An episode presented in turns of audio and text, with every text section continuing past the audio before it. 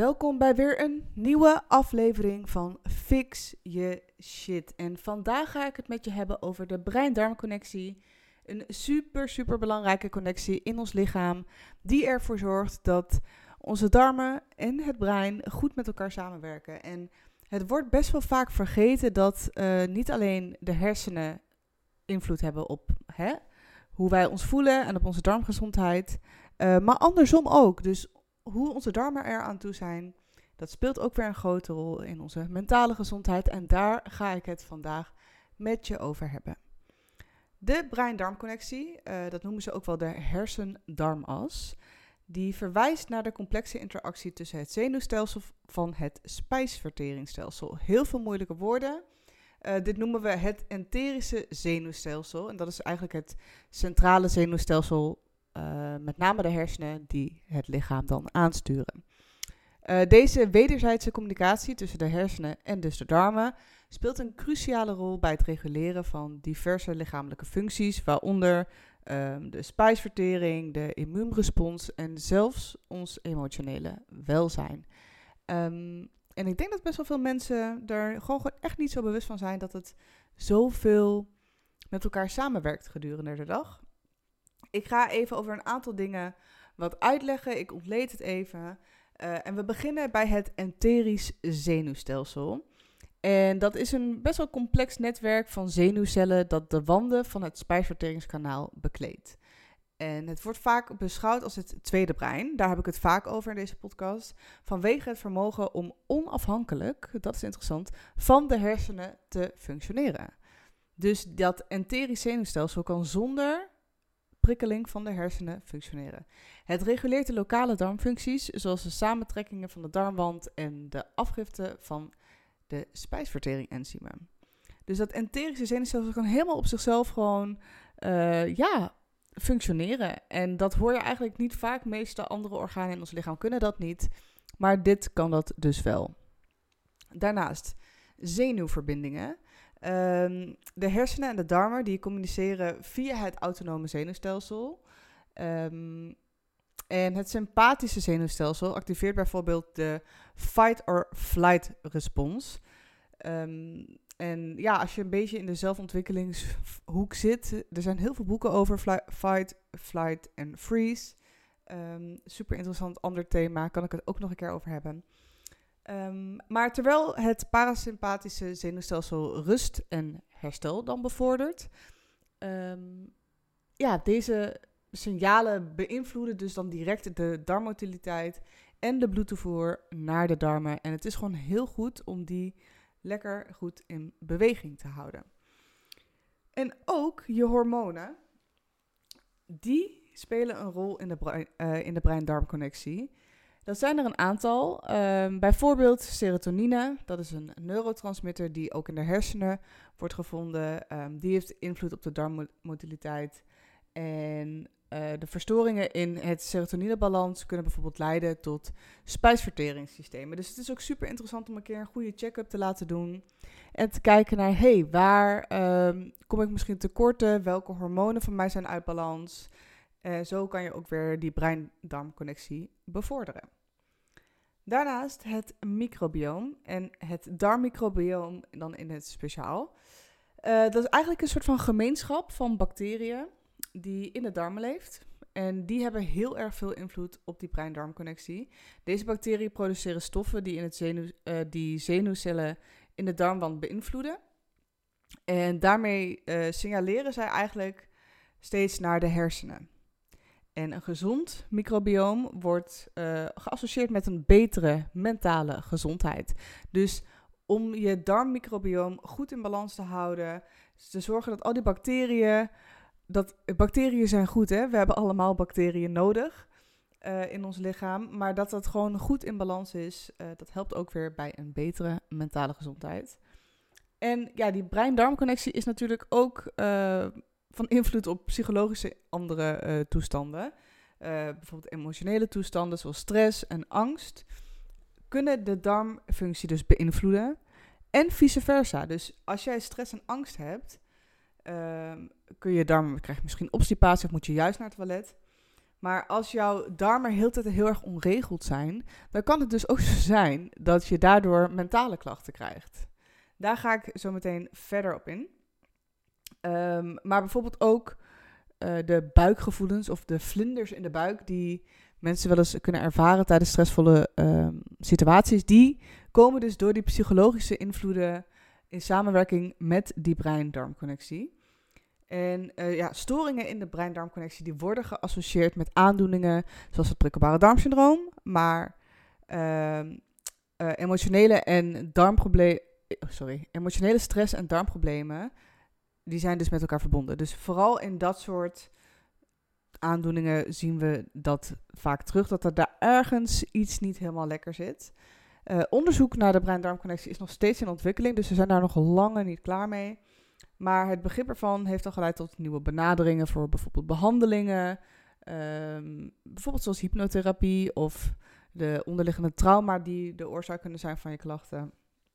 Um, en ja, ze, ze zien steeds vaker die link in de spijsverte spijsverteringsstoornissen en de mentale gezondheidsproblemen. En het benadrukt het belang van ja, ook een holistische benadering van de gezondheid. Dus het is lang niet alleen maar je gaat naar de dokter, je neemt een pilletje en het is over. Maar echt, dat er echt gekeken wordt naar zowel fysieke als mentale aspecten.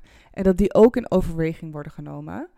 Um, ja, hoewel PDS primair een gastro-intestinale aandoening is, dus een moeilijk woord voor je darmen, uh, kunnen mensen die eraan lijden dus ook veel mentale gezondheidsproblemen ervaren. En ik heb er een aantal even op een rijtje gezet, omdat ik benieuwd ben of er mensen zijn die de podcast luisteren die hier last van hebben.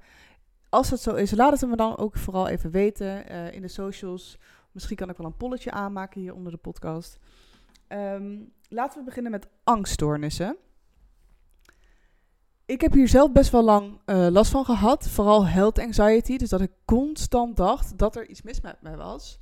Um, als het ging om mijn gezondheid. Uh, maar dat hoeft niet per se dat te zijn, maar dat was iets wat ik zelf heb ervaren. En mensen die PDS hebben, die hebben vaak een verhoogd risico op het ontwikkelen van deze angststoornissen. Uh, de zorg over de symptomen, uh, de onvoorspelbaarheid die het met zich meebrengt en de mogelijke impact ja, op die dagelijkse activiteiten die we hebben, die kunnen bijdragen aan die angstgevoelens. Dan daarnaast uh, depressie. Uh, PDS wordt ook vaak geassocieerd met een verhoogd risico op depressie, de chronische aard van de symptomen, evenals het mogelijke effect op de kwaliteit van het leven. Uh, maar ook het sociale, sociale activiteiten en werk kunnen bijdragen aan die gevoelens van neerslachtigheid. Dus zit jij ergens helemaal niet op je plek, bijvoorbeeld op je studie of op je werk, dan kan dat gewoon echt heel erg bijdragen aan het feit dat jij je zo voelt en zo kunnen ook weer die darmklachten ontstaan. Daarnaast stress, en ja, deze heb ik natuurlijk al ontzettend vaak besproken. Stress kan een belangrijke factor zijn uh, bij het verergeren van je symptomen. Symptomen. Sorry, volgens mij zeg ik dit woord echt heel vaak fout, maar symptomen. Tegelijkertijd uh, kan het hebben van PDS zelf ook meer stress veroorzaken. Want ja, wat ik net al zei, het is een beetje een visuele cirkel die het creëert. Um, als het ene fout gaat, dan ben je weer bang dat het andere gebeurt. En zo gaat het steeds door. Stressmanagement is iets wat ik vaak ook aanbeveel en waar ik veel TikToks over maak. Maar is echt enorm, enorm belangrijk. Hou jij je stresslevels laag, dan voel jij je beter. Uh, worden je klachten ook gewoon wat minder. Uh, eigenlijk zou deze bovenaan de lijst moeten staan als mensen bij de dokter komen en vragen: uh, Ik heb deze klachten, wat moet ik doen? Dat ze vragen: Hoe is je lifestyle? Hoe zit het met je stresslevels? Als het aan mij ligt. Hè? Daarnaast, kwaliteit van leven. Um, PDS kan gewoon een negatieve invloed hebben op de algemene kwaliteit van het leven. En dat klinkt misschien onwijs hard, maar dat is wel echt wat het is. Um, ja, het kan gewoon leiden tot bepaalde beperkingen in dagelijkse activiteiten, uh, op je werk, in je relaties. Um, en ja, dat kan op zijn beurt gewoon weer bijdragen aan leven, verminderde levenskwaliteit. Ik zal hier in een andere podcast um, wat tips over geven hoe je daar nou verbetering in kan brengen. Ik denk dat die in de week hierna komt. Dus als je deze hebt geluisterd en je herkent je hierin, volgende week ga ik tips geven over hoe je hiermee om kan gaan. Daarnaast nog ja, de ziekteperceptie. Het is natuurlijk best wel lastig dat mensen je vaak niet begrijpen. Ze snappen niet helemaal waar je klachten vandaan komen, waarom je last hebt van iets. Ze snappen niet dat je niet aan iedereen kan zien dat er iets mis met je is. Ehm, de symptomen zijn ook vaak best wel subjectief en kunnen best wel variëren van persoon tot persoon. Dus het is ook, er is niet echt een pijl op te trekken. En ja, het kan gewoon heel erg leiden tot een gevoel van onbegrip van anderen. Wat op zijn beurt weer de mentale gezondheid beïnvloedt. En het is wel echt belangrijk om even te benadrukken dat de relatie tussen PDS en die mentale gezondheid super complex is. Hoe het voor mij is, zo is het niet voor jou. Hoe het voor een ander is, zo is het misschien ook weer niet voor jou. Jij leeft daar in je eigen leven en je wandelt je eigen weg. En uh, sommige mensen kunnen daar heel veerkrachtig mee omgaan. En anderen, uh, ja, die worden er gewoon heel erg door beïnvloed en die kunnen dat niet. En met beide gevallen is niks mis. Voel je niet minder, voel je niet meer. Het is gewoon wat het is. En probeer er het beste van te maken. En ik hoop dat mijn podcast en mijn socials daar een beetje aan bij kunnen dragen. Um, dat is in ieder geval waarvoor ik het doe. En ja, de behandeling hiervan, overigens, die, uh, die omvat vaak wel echt een multidisciplinaire aanpak. Waar naast echt ja, de zorg uh, voor het lichaam zelf en de darmen en de organen ook best wel wat meer aandacht mag uh, worden besteed aan de psychologische en uh, psychiatrische effecten ervan. Wat ik zelf kan aanraden is ehm, psychotherapie. Heb ik zelf lang gevolgd. Je kan ook cognitieve gedragstherapie doen. EMDR, andere stressmanagement technieken die kunnen worden ingezet. Meditatie genoeg rust nemen en echt eens kijken, oké, waar kan ik wat schrappen? Wat levert me stress op? Hoe kan ik dat veranderen? Kan ik een andere baan doen? Wil ik misschien een andere opleiding? Een beetje stress is oké, maar het moet niet je hele leven beïnvloeden. En ik hoop dat deze podcast een steentje bijdraagt aan het bespreekbaar maken daarvan. En dat het helemaal oké is om je niet altijd even goed te voelen.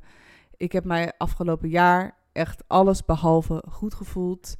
Um, en ik heb heel erg hard gewerkt aan mijn welzijn en mijn gezondheid.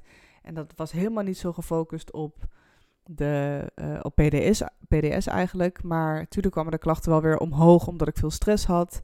En ja, dat wens ik gewoon niemand toe. Ik heb zelf een heel intensief traject gevolgd. Ging echt meer om mijn mentale gezondheid nogmaals. Maar zet dat echt op nummer 1. Het is het niet waard om in die baan te blijven die je niet gelukkig maakt. Het is het niet waard om mensen om je heen te hebben die rot tegen je doen, waar je verdrietig van wordt. Kies voor jezelf en voor je eigen gezondheid. En iedereen heeft recht en kans op een gelukkig leven. Maar soms moet je wel gewoon het eigen heft in handen nemen. En daarmee wil ik deze aflevering afsluiten. Dankjewel voor het luisteren. Um, ik hoop dat je hier wat aan hebt gehad. En wie weet, tot de volgende.